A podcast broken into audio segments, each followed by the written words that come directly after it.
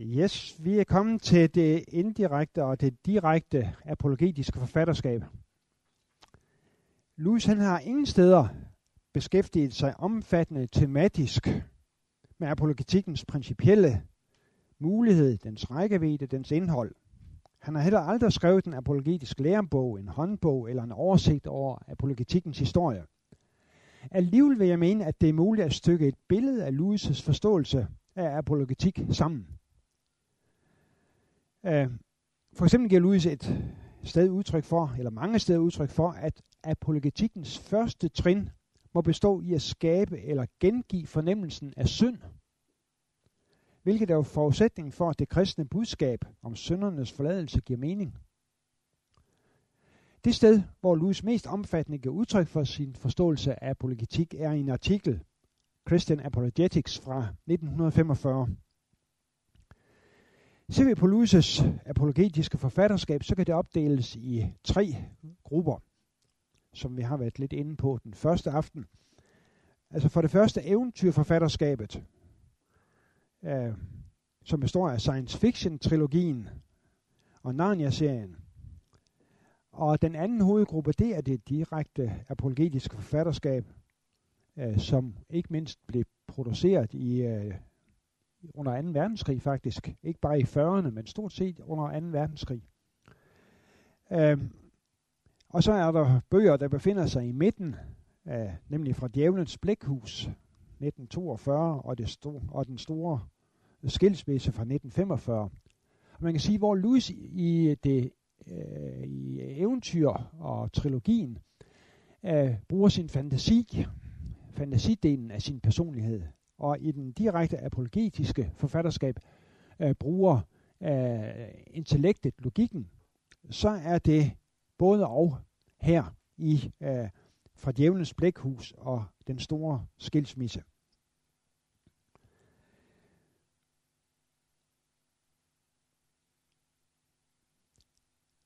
Jeg var lidt inde på, øh, hvorfor Louis han gik over til at skrive Narnia-serien. Det var inde på øh, i den første aften. Og gav udtryk for, at kritikerne der ikke havde opdaget det kristne indhold i øh, science fiction-trilogien. Øh, som jo altså var skrevet fra 1937 og frem efter. Det gav, hævder George Sayer i Jack, det gav øh, Louis ideen til at skrive andre bøger med latent kristent indhold – når man så senere mødte genuin kristen forkyndelse, havde man allerede en gang accepteret noget af kristendommens sandheder.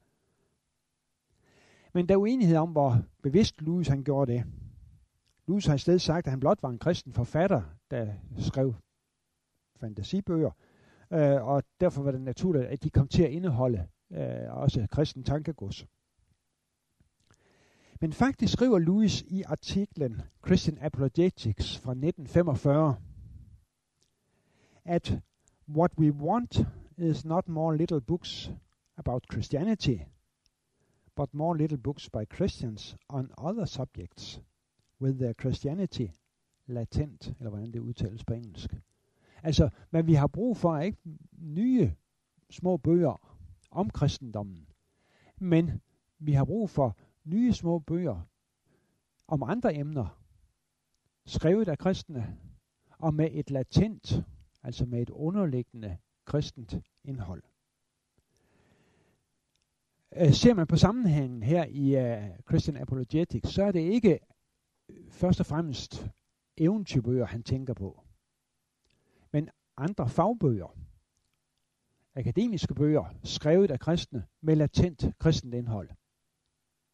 Og han gik jo rent faktisk i gang med i det efterfølgende at, at udarbejde nogle af sine største litter, litterære værker, litteraturkritiske øh, fag, fagbøger.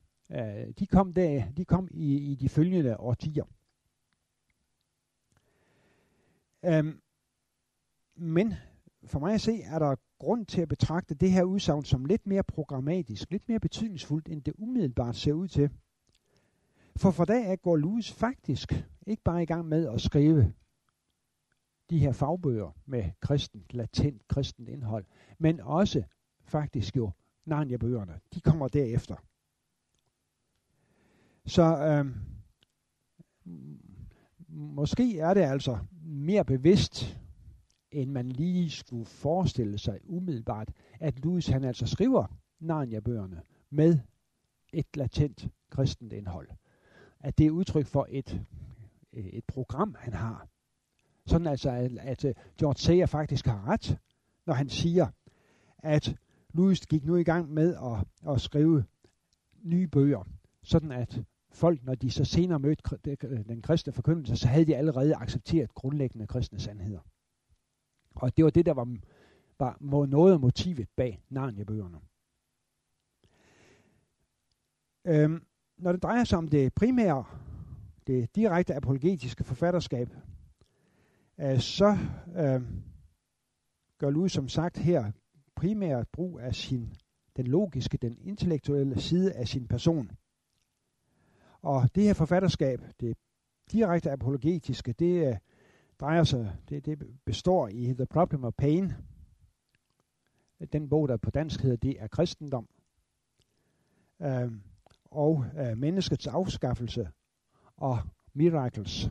Og jeg har dem alle sammen liggende heroppe, så I kan komme og, og kigge på dem øh, efter, øh, efter øh, forelæsningen her, foredraget. Og jeg har også en del andre bøger, øh, som er øh, beskrivelser af, af, af Louis' biografier, eller arbejder med specielle temaer inden for, for Louis' tænkning. Der har jeg også nogle stykker med her, som I kan komme og kigge på, hvis I har interesse i det. Øh, problem of, nej, øh, den tredje gruppe, den her kaldt både og gruppen, det er altså bøgerne fra Djævelens Blækhus, som gjorde, fra Helvedes Blækhus, fra Djævelens Blækhus, som gjorde, øh, så, som gjorde øh, Louis øh, berømt, og så den store skilsmisse. Og de her to bøger, de har det fælles tema, kan man sige, at de handler om himmel og helvede. Og her bruger Louis som sagt både fantasi og logikdelen af sin personlighed.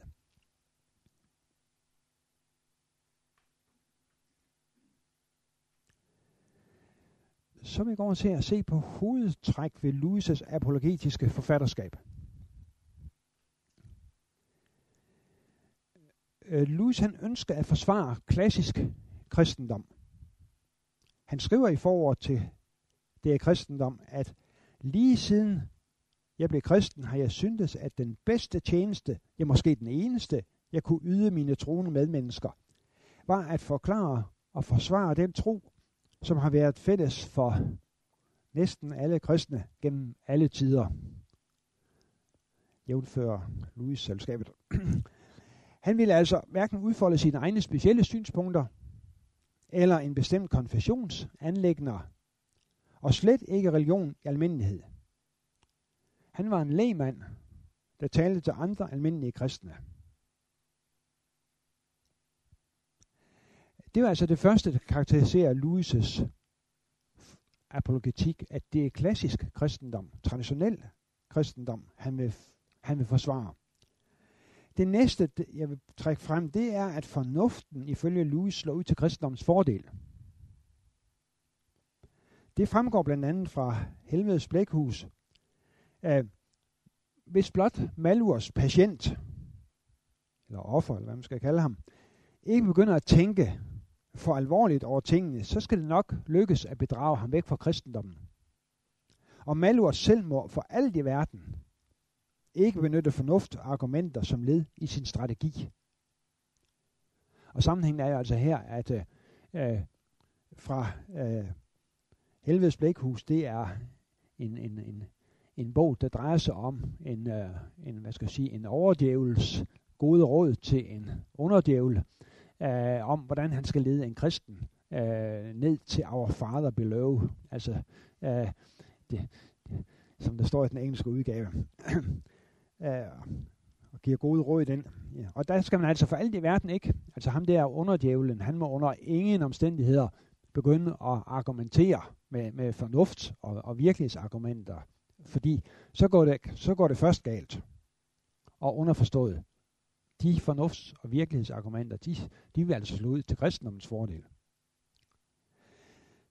Det tredje punkt, jeg vil nævne her, det er, at kristendommen har virkeligheden, inklusiv menneskets erfaring, på sin side.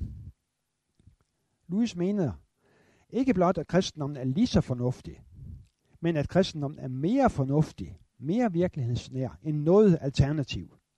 Hvad enten det er den såkaldte videnskabelige verdensanskuelse, eller en hvilken som helst ikke-kristen religion.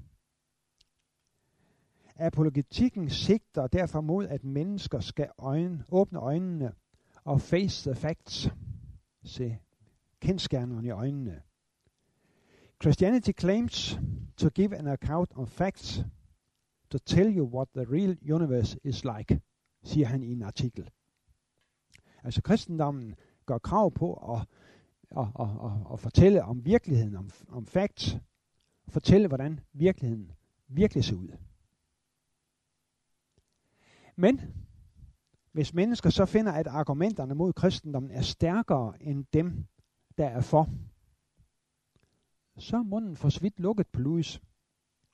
Han siger et sted i det kristendom, at jeg beder ikke nogen om at godtage kristendommen, hvis al hans fornuft siger ham, at hele bevisbyrden er imod den. Samtidig gør han også opmærksom på, at i fristelsens time, så er intet argument imod kristendommen for dårligt. Og det kan man jo øh, godt øh, øh se. Altså, det, det kan der være noget om.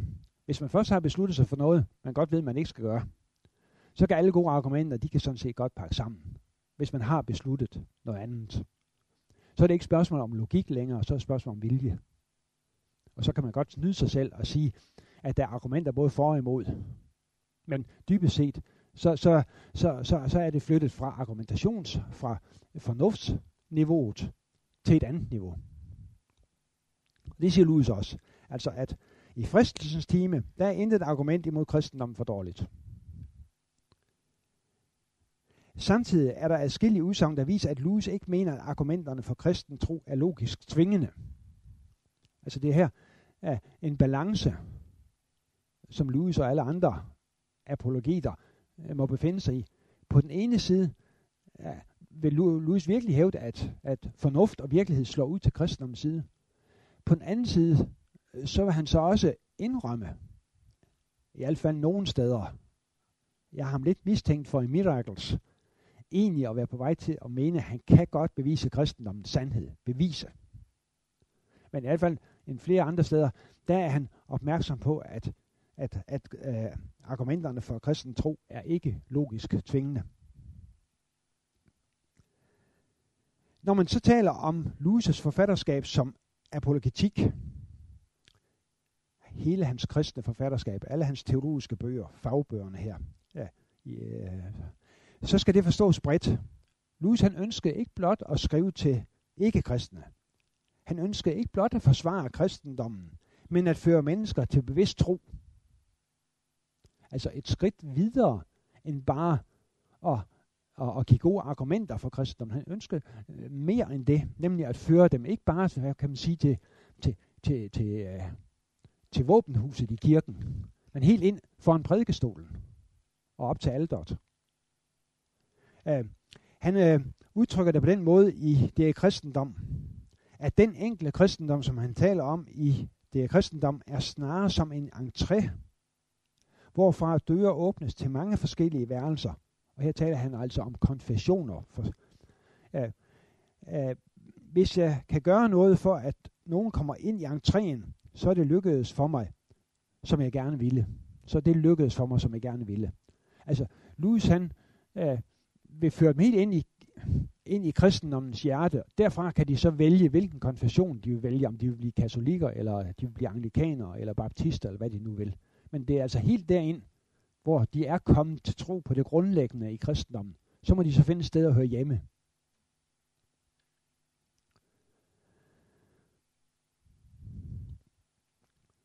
I Louis' apologetik, øh, så lægger han snarere vægt på mennesket end på universet som kilde til erkendelse af Gud.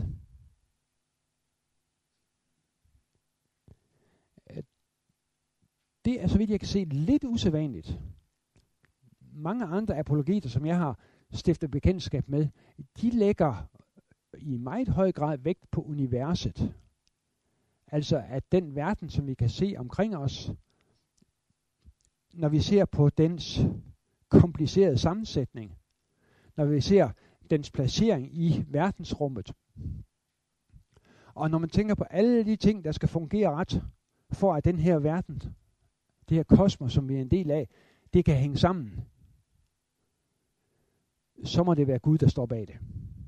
Det er en meget normal øh, argumentation, at, altså at det er, det, det er, det er universet, øh, øh, det, det, det, det er det, der peger i retning af Gud, der har skabt, der, der må stå bag det. Det er, det, det er Louis, han lægger vægten snart på mennesket, på menneskets moral, på menneskets tænkning. Og er det de primære ting? Det er det, der gør, det er det, der fører ham til at tro, at Gud må, det kan ikke være kommet af sig selv, hverken moralloven eller tænkningen. Øh, det må Gud stå bag. Så hvor man kan sige, at for eksempel Løstrup, han er en af dem, hvor han i hvert fald lægger stor vægt på universet. Og rigtig mange andre apologeter gør det samme.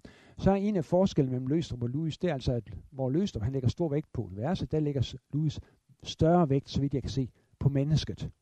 Det er menneskets struktur, der må gøre, der fører Louis til tanken om, at, at Gud står bag.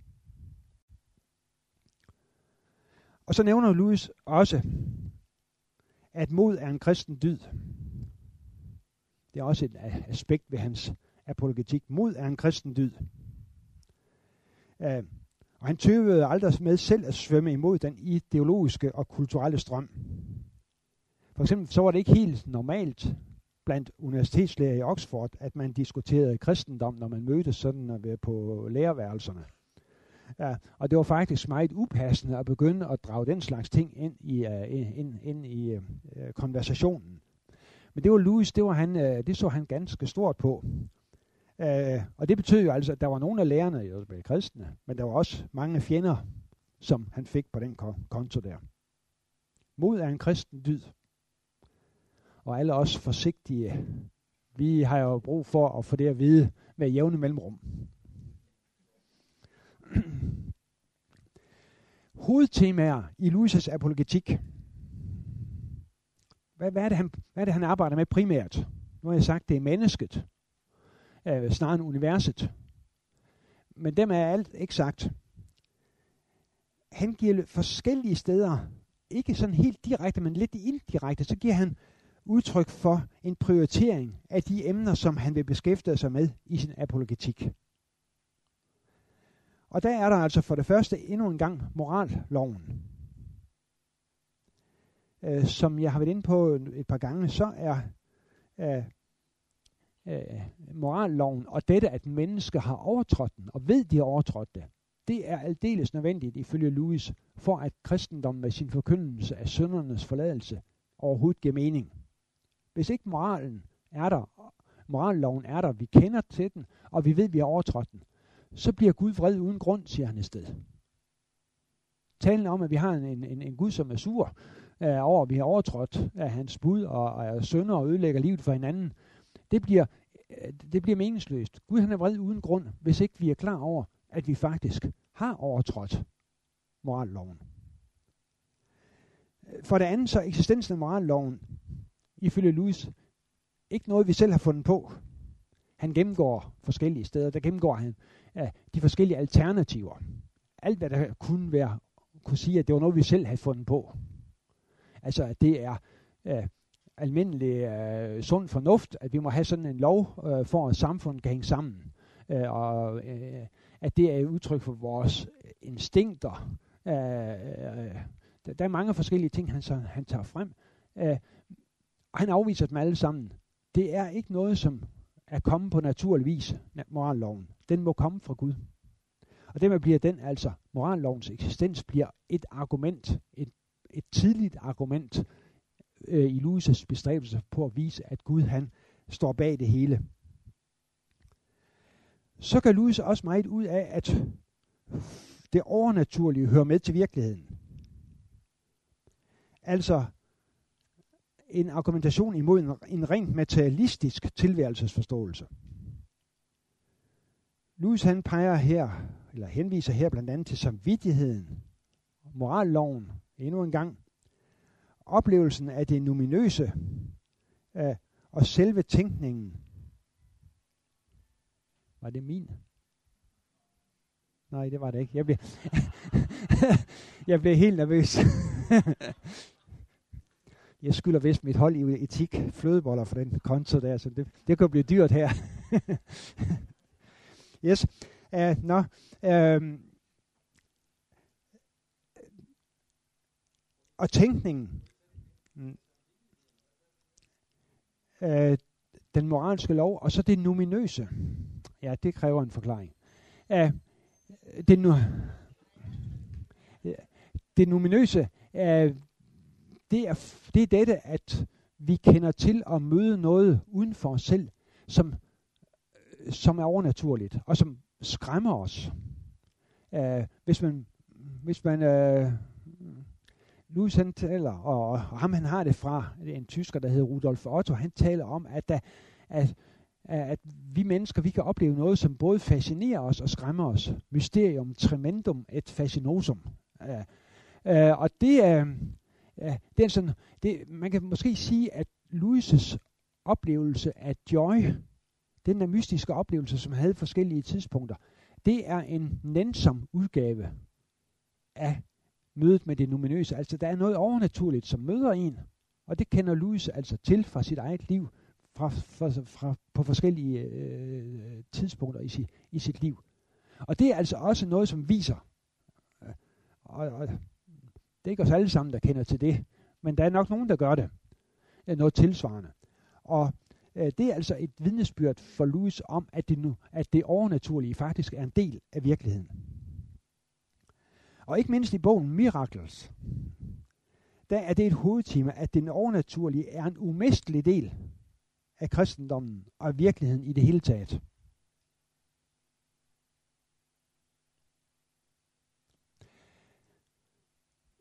Et andet element, det er, at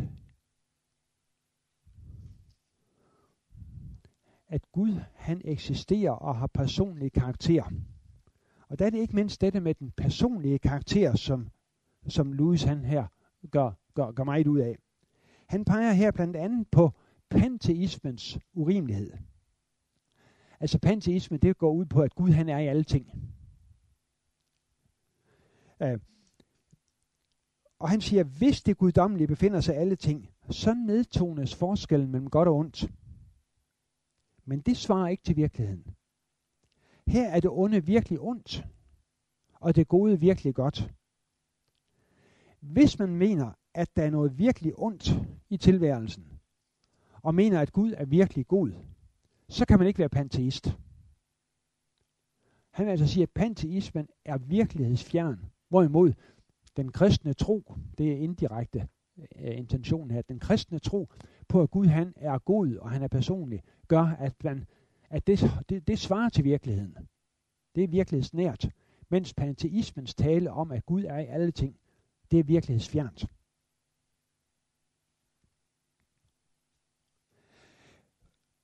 På den anden side vil Louis ikke afvise, at andre religioner kan rumme noget af sandheden. Øh, er man ateist, siger Louis i det her kristendom, er man, ateist, er man ateist, er man nødt til at tro, at kernen i alle verdens religioner slet og ret er en stor fejltagelse. Hvis man er kristen, har man sin frihed til at mene, at alle disse religioner, selv de mest besynderlige, i det mindste indeholder en anelse af sandheden.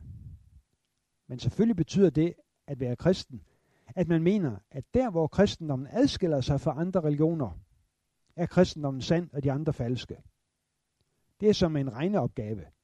Kun et resultat er rigtigt, og alle de andre er, for er forkerte. Men nogle af de forkerte tal ligger nærmere ved det rigtige end visse andre. Så altså, der er nogle religioner, der kommer tættere på kristendommen, hvad angår sandhed, og nogle er langt fra.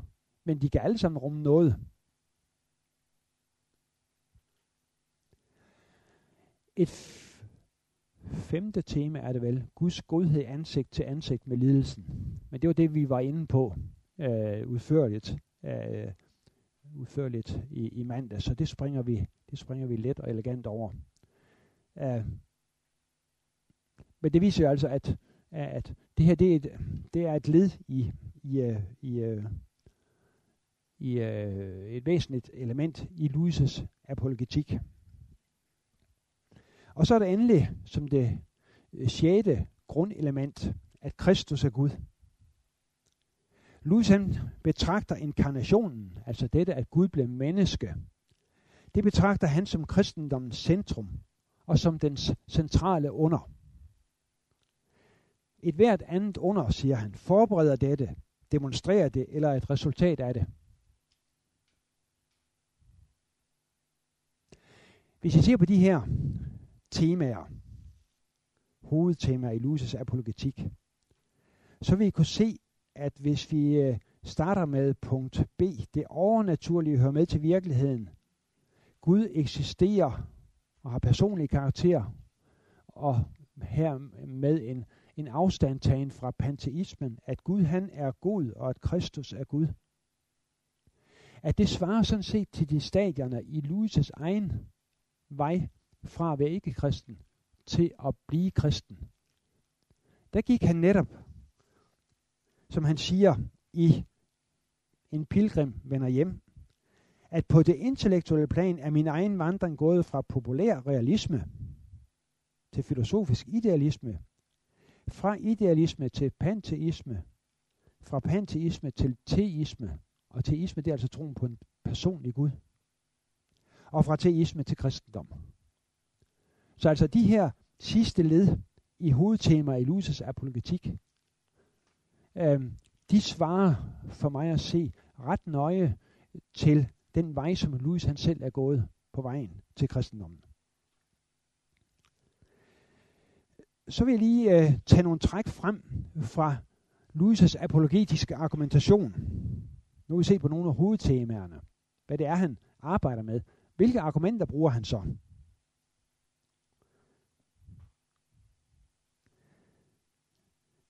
For eksempel siger han et sted, at om tanken om, at verden burde være retfærdig, at ingen kalder en linje skæv, som ikke har en forestilling om en, der er ret. Hvad sammenlignede jeg dette univers med, når jeg kaldte det uretfærdigt? Uh, så altså, han vil sige, at der er øh, ateismens og naturalismens tale om, uh, at verden er uretfærdig. Hvor har de den forestilling fra? Der må være noget, der har vist dem, at det burde være anderledes. Øh, og hvad angår selve tænkningen, så vil Louis hævde, nu springer jeg lidt over, hvad angår selve tænkningen, så vil Louis sige, at tænkningen, den menneskelige bevidsthed, kan ikke være opstået af sig selv eller ud fra naturen. Det må være et udslag af Guds virke. Jeg mener faktisk, at Richard Dawkins i sin bog om illusionen om Gud,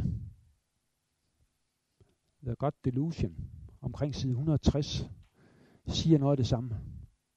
Fra side 160 til 165, der har han øh, fire argumenter, hvor han, og det, må, det taler til hans fordel. Ellers er der ikke mig, der taler til hans fordel der. Men der, der, der siger han, der har han fire ting, som, som, øh, som, som uh, han siger egentlig er uforståeligt. Der er fire ting, som, han, som egentlig peger i retning af, at universet er skabt af Gud. Og blandt andet, at vi kan tænke, uh, øh, hvis det hele det er opstået fra, fra, fra, fra, fra noget øh, fra, fra, fra, fra, fra noget nærmest ingenting. Hvordan er, det så, hvordan er det så endt her, at vi nu kan stå og tænke, som vi gør her i dag? Det er lidt af et under. Det siger, det indrømmer Richard Dawkins. Øh, og det er samme, noget af det samme, som Louis han siger her. Og så er der, har han en række argumenter, som drejer sig om, at Jesus er Gud. Altså at det, det, det, nye, det nye testamentets forståelse af Jesus Kristus, at, at den er god nok. Der er gode argumenter for den. Han siger blandt andet, at myten er blevet et faktum. Uh, det var en af Luises problemer, inden han blev kristen. Det var, at da jo øh, også i religionshistorien findes en række fortællinger om guder, der dør og bliver levende. Hvorfor skulle så kristendommens tale om Jesus, der døde og blev levende, være noget specielt? Det findes jo andre steder. Og så øh, er hans eget argument, noget af det, der overbeviser ham selv, så han blev kristen, det var jo altså, at, at, at myten blev faktum, det blev en historisk realitet. Det, som før havde været snak og forestillinger, menneskelige tankespænd, det var blevet en realitet, det var blevet en historisk faktum. Og også, at Gud måske havde givet os de her myter om guder, der dør og bliver levende, for ligesom at forberede os på tanken om, at nu en dag, så bliver det faktisk historisk virkelighed. Så det er altså øh, det er et argument, som Louis han selv lod sig overbevise af, som han nu selv bruger. Og så nævner jeg aut deus, aut manus homo. Det var for at, at demonstrere, at jeg har læst latin engang. ja. Det går ud på, at enten er Jesus Gud, eller også er han et dårligt eller et ondt menneske. Enten det ene eller det andet. Og det er altså Chestertons alternativ, øh, sat på kort formel. At enten var Jesus en galning, eller en bevidst bedrager, eller også var han det, som han sagde, han var, nemlig Guds søn. Enten Gud, Deus, eller også et dårligt, et ondt menneske. Enten en galning eller en bevidst bedrager. Og Louis, han er selv kommet til den overbevisning, og det er han helt sikker på, at det var andre, der tænker så godt om og læser det nye testamente grundigt. De vil også nå til den samme konklusion, nemlig at når det kommer til stykket, så var Jesus hverken en bevidst bedrager eller en tåbe. Altså måtte han være det, han sagde, han var Guds søn. Det er et af Louis' argumenter. Og så nævner han også, at det er usandsynligt, og det her synes jeg, han har helt ret i. Det var usandsynligt, at religiøse jøder skulle finde på at guddommeliggøre en religiøs lærer. Uh, hvis ikke de havde oplevet og erfaret, at han faktisk var opstået fra de døde. Uh, det, det er helt utænkeligt, det er lige så utænkeligt, at jøder skulle finde på det, som at muslimer i Mekka i dag skulle komme og sige, at Jesus faktisk er den, han sagde, han var. Det, det, det slår alle deres forestillinger om, om, om én Gud, kun én Gud, i stykker. Det, det, det er umuligt for muslimer i dag. Ja, og lige så umuligt var det for jøder dengang. Og alligevel så gjorde de det de må have oplevet noget, der virkelig slog benene væk under dem. Nemlig Jesu opstandelse. Og så har jeg faktisk mødt et øjenvidne, som har været lærer for en muslim, som i Mekka mødte Jesus i et syn, sådan at vedkommende blev kristen. Men det er en anden sag. Evangelieberetningerne har rent litteraturkritisk sandsynligheden på deres side. Hvis det ikke faktisk er historie, så udgør de en form for realistisk prosa fiction, siger øh, Lewis, som ellers først opstår i det 18. århundrede. Og rent faktisk rummer de detaljer, som tyder øh, på deres historicitet, fordi disse detaljer ikke har nogen dogmatisk værdi. For eksempel dette, at Jesus i beretningen om kvinden, der er grebet i hår, bøjer sig ned og skriver noget i sandet. Og sådan er der rundt omkring i evangelierne, hvis I prøver at kigge efter, så er der nogle ting, som egentlig ikke betyder noget i sammenhængen, men som øh, for eksempel, at det var nat, eller et eller andet. Øh, det, det var, øh, når det står lige pludselig. Øh, noget, som, som, som ingen betydning har. Men det er sådan lige en, en, en, en kommentar, man får med, øh, som viser, at dem, der har skrevet det, de var til stede og har oplevet det. Det her det er nogle af, af Louis' hovedargumenter øh, for, at Kristus faktisk er den, han sagde, han var, nemlig Gud.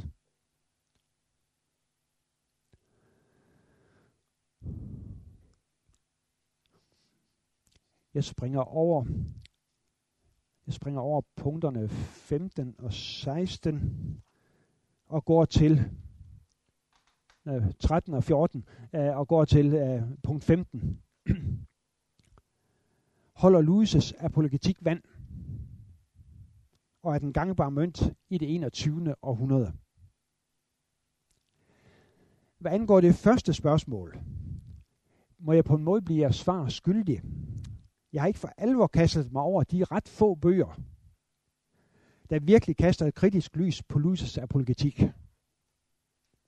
Louis har den lidt uheldige skæbne, at øh, det stort set kun er vennerne, der har skrevet over ham, har skrevet om ham. Um, så um, der, der, der, der er en, der har sagt, at med, med så mange vætter, hvad skal man så med fjender? Der er en, der har, har, har, har brugt det om, om, om Louis. Men der er, og der er nogle, nogle få, der går kritisk til værks. Uh, og jeg har læst lidt af dem, men ikke nok til, at jeg sådan øh, for alvor vil, vil lægge hovedet på blokken for en konklusion. Indtil videre forudsætter jeg, at en god del af Louis' tankerækker, argumentations, øh, hans tankerækker og hans argumenter, at de er gangbare, at de er holdbare. Øh, jeg vil for eksempel mene, at den der med, at det er, us, det er usandsynligt, at religiøse jøder skulle begynde at kalde en religiøs lærer for Guds søn, at, at, at den, den mener jeg egentlig, at den, den, den virker holdbar for mig umiddelbart. Ja, og sådan er der en lang række af argumenterne, som vi møder hos Louis, som jeg synes, det har sandsynligheden på sin side. Men som sagt, øhm, jeg er ikke i stand til at sige mere, før jeg har også mødt nogen, der er, er, er måske noget mere kritisk indstillet, end jeg selv er. Hvad angår Luces gangbarhed i det 21. århundrede, så må vi, som jeg har været inde på, kunne karakterisere vores situation nu her som senmoderne. Det vil sige, at det er en kombination af både en situation, hvor det rationelle og det narrative har plads. Det narrative hører hjemme i det postmoderne, det rationelle, det empiriske i det moderne. Og vi befinder os nu her i en senmoderne kultursituation, hvor der er øh, tale om en kombination af begge dele. Hvis de holder stik, så skulle Louis' apologetik have gode afsætningsmuligheder. I det hans direkte apologetik med dens rationelle argumentation burde kunne tale til de moderne elementer i nutiden.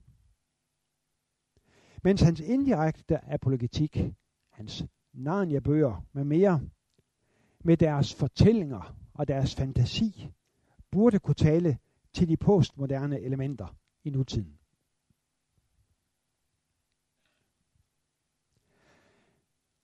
Kan vi så lære noget af Louis? Jeg vil sige, at han har en positiv og original fremstilling af kristendommen. Han siger ganske vist i indledningen til det kristendom, at der skulle nødigt være noget originalt her, fordi så, så er det noget, han selv har fundet på. Men hans måde at fremstille det på, synes jeg på mange måder er original, og hans øh, fra djævelens blækhus og, og, og, og den store skilsmisse, øh, der er virkelig, øh, øh, der har han taget sin fantasi i brug for at skabe noget, der er positivt og originalt. Også hans tale om, at mod er en kristen dyd, som han selv praktiserede, har jeg brug for at tage til mig. Øh, så taler han, så siger han også, at når det, daler, det drejer sig om at tale tidens sprog, der synes jeg nu ikke, han er lige god til det altid, men altså, øh, det må så være. Afslutningsvis vil jeg sige, at et menneske er ikke blevet kristen, fordi det får ryddet nogle indvendinger imod kristendommen af vejen. Men det kan være et skridt i retning af, at mennesker ikke på forhånd afviser det, det kristne budskab som irrelevant. Og det mener jeg er apologetikkens målsætning, at få ryddet nogle indvendinger af vejen, øh, sådan at mennesker ikke på forhånd afviser det kristne budskab som irrelevant. Og Louis han kan, så vidt jeg kan se, inspirere os til at medvirke til, at mennesker tager sådan et skridt med henblik på, at de kan høre evangeliet, og så tage det store skridt fra mørke til lys. Yes. Så er det jer, hvis I har lidt kommentarer, indvendinger, spørgsmål.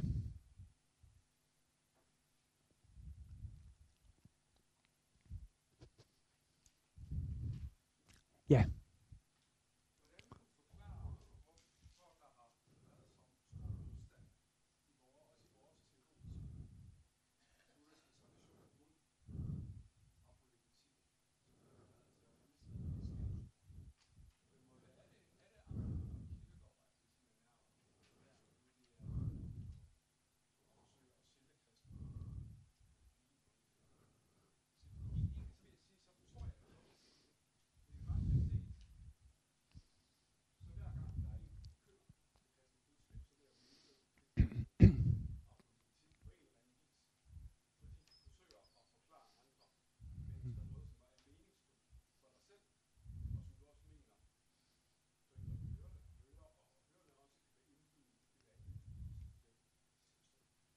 Mm. Mm. Nej, nej.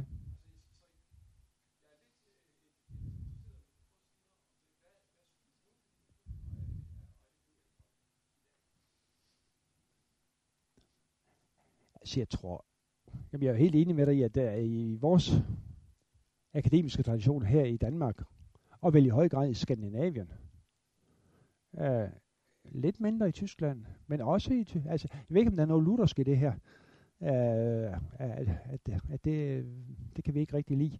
Uh, men så vil det så også samtidig sige, at, at, at Løsum, han opfatter jo sig selv som en, en, uh, en moderne, hans tænkning som en, en, en opdateret udgave af luthersk tænkning. Og der findes der, uh, jeg opfatter egentlig stort set hele Løstrup's forfatterskab som apologetik. apologetik. Det er der... Ja, det er der, og det kan man da også... Det kan, det kan også sagtens anføres argumenter der. Men øh, jeg tror egentlig, der er foregået en hel del apologetik bare under en anden betegnelse. Altså nu har jeg været øh, formand for Dialogcenteret øh, i, i nogle år, og der drev vi jo egentlig også apologetik Øh, vi forsvarede kristendommen mod, øh, øh, mod nye religiøse bevægelser og, øh, og, og prøvede at vise, at der inden for, øh, at ikke alt, hvad der kalder sig religion, er godt for mennesker. Øh, så der, der har foregået, tror jeg, på forskellige vis. Øh, men øh, en apologetisk tradition, som de har i England og USA, og også andre steder i verden, øh, Indien for eksempel, øh, der, der, er en, der, der er store apologeter i dag i, i, Indien. Øh, det har vi ikke. Og, og jeg har egentlig ikke nogen rigtig god forklaring.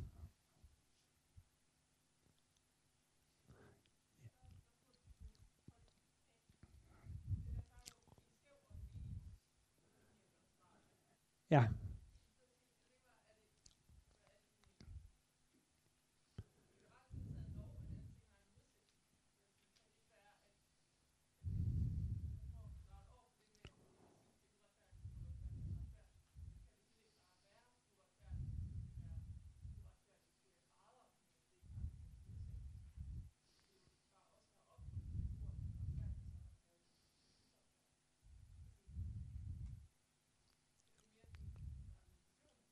Ja, ja. Mm. Det er du ret i.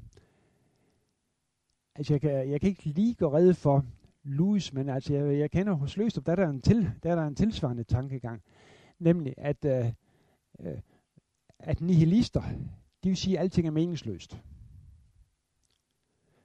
Øh, det, det er, øh, tilværelsen er, er, er, er, er uden hensigt og mening, og det er skrækkeligt. Og så, så, så siger Løstrup, jamen altså, øh, hvor har I tanken, hvor, hvor, hvor, hvor har I tanken om, at det er skrækkeligt? Øh, fordi at øh, når netop alting er meningsløst, hvor, hvor kommer så den tanke fra, at det burde være anderledes?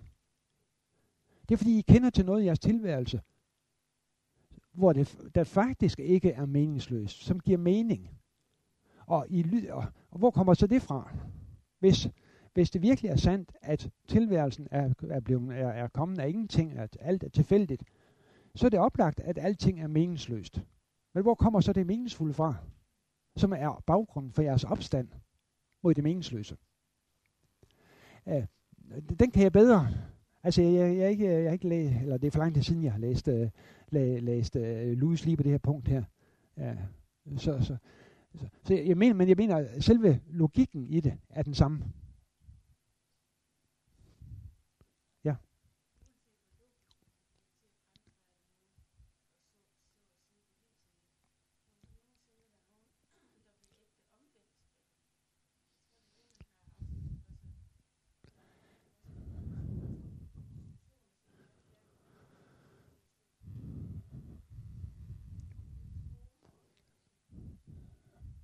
Mm.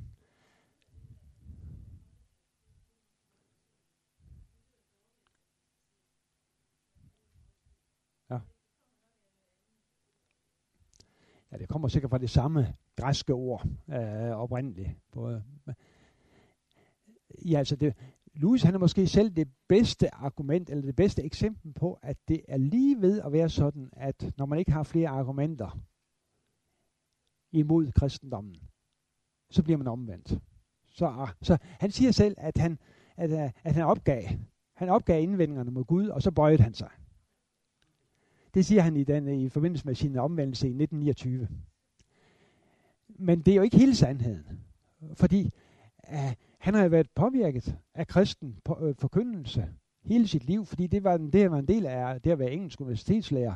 Uh, og de ting, han har læst, og dem, han har omgivet sig med, han siger selv, at efter han opgav panteismen så, som, som en, øh, øh eller blev i tvivl om panteismen, så begyndte han at gå i kirke en gang imellem i, i sin lokale sovnkirke, allerede i 1926, altså tre år før. Så, øh, så det, det er jo ikke hele sandheden. Men egentlig er Løstrup det bedste eksempel alligevel, der ikke løser, er Louis, han er det bedste eksempel på, at, at øh, på en, hvor, hvor det at opgive de intellektuelle argumenter imod kristendommen, det gjorde, at så var der ingen, der, så var ingen anden udvej end kristendommen. Ja.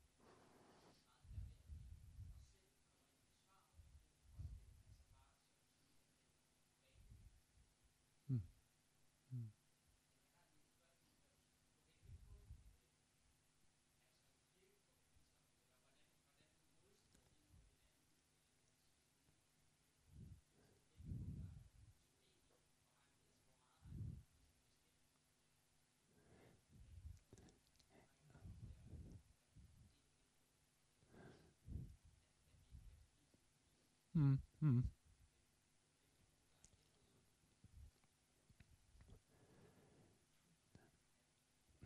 Det ved jeg ikke. Altså, jeg, jeg, ved, jeg ved faktisk ikke øh, øh, Louis' synspunkt på, på, på øh, Kirkegård, bortset fra lige det, at det bliver refereret fra Jørgen Larsen, han har været over at besøge ham, og, og, og, og han fortæller så, at, øh, at H.C. Andersen omfavner Louis, øh, mens øh, øh, altså Louis omfavner hos Andersen. Nå. Øh, og øh, øh, modsat med modsat med med med med, med Søren Kierkegaard.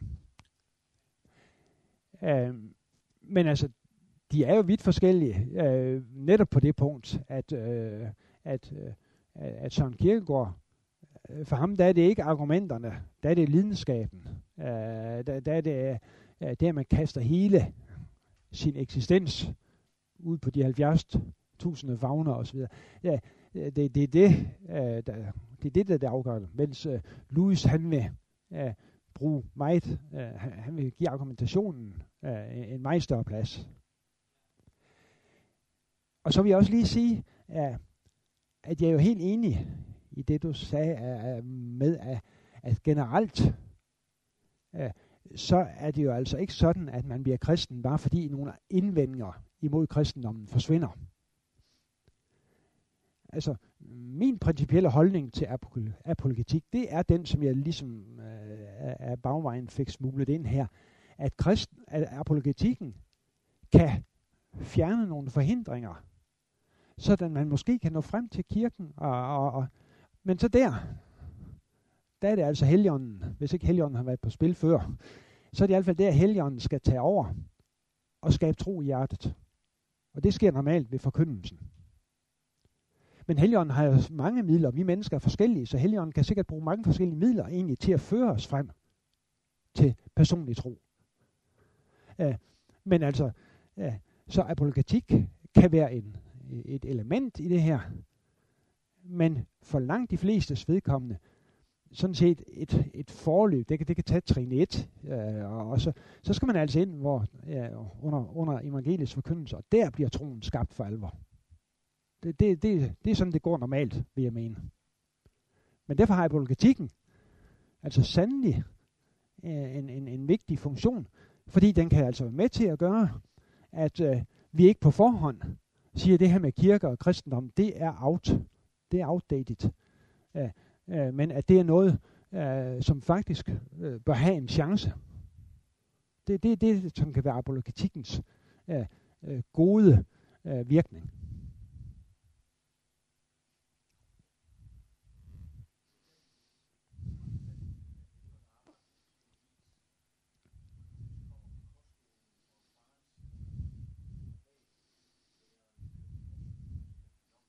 Mm.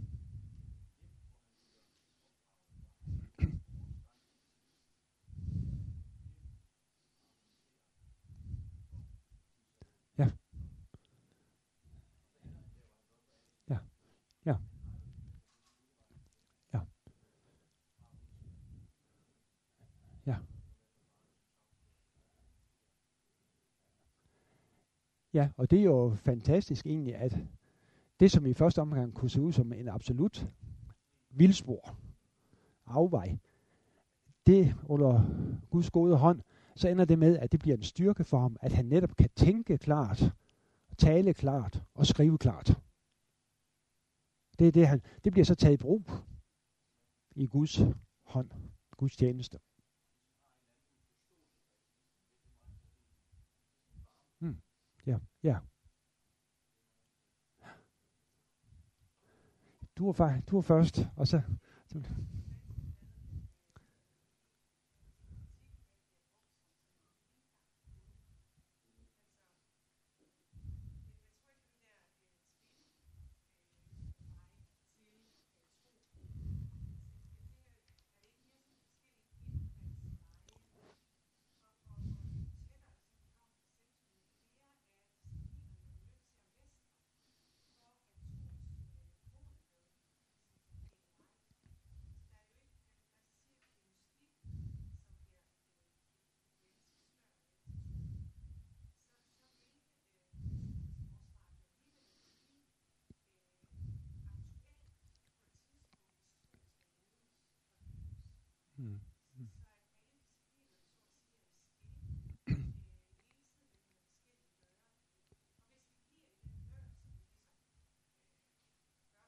Mm. Mm. Ja. Jo, det kan man også sige, det er noget, det kunne måske i bedste fald være noget frugten her, at, at, at vi alle sammen, også selvom vi er kommet til tro, måske for mange år siden, at, at, at vi øh, ser, at apologetik måske er noget, som vi burde øh, ofre lidt opmærksomhed på. Ja. ja.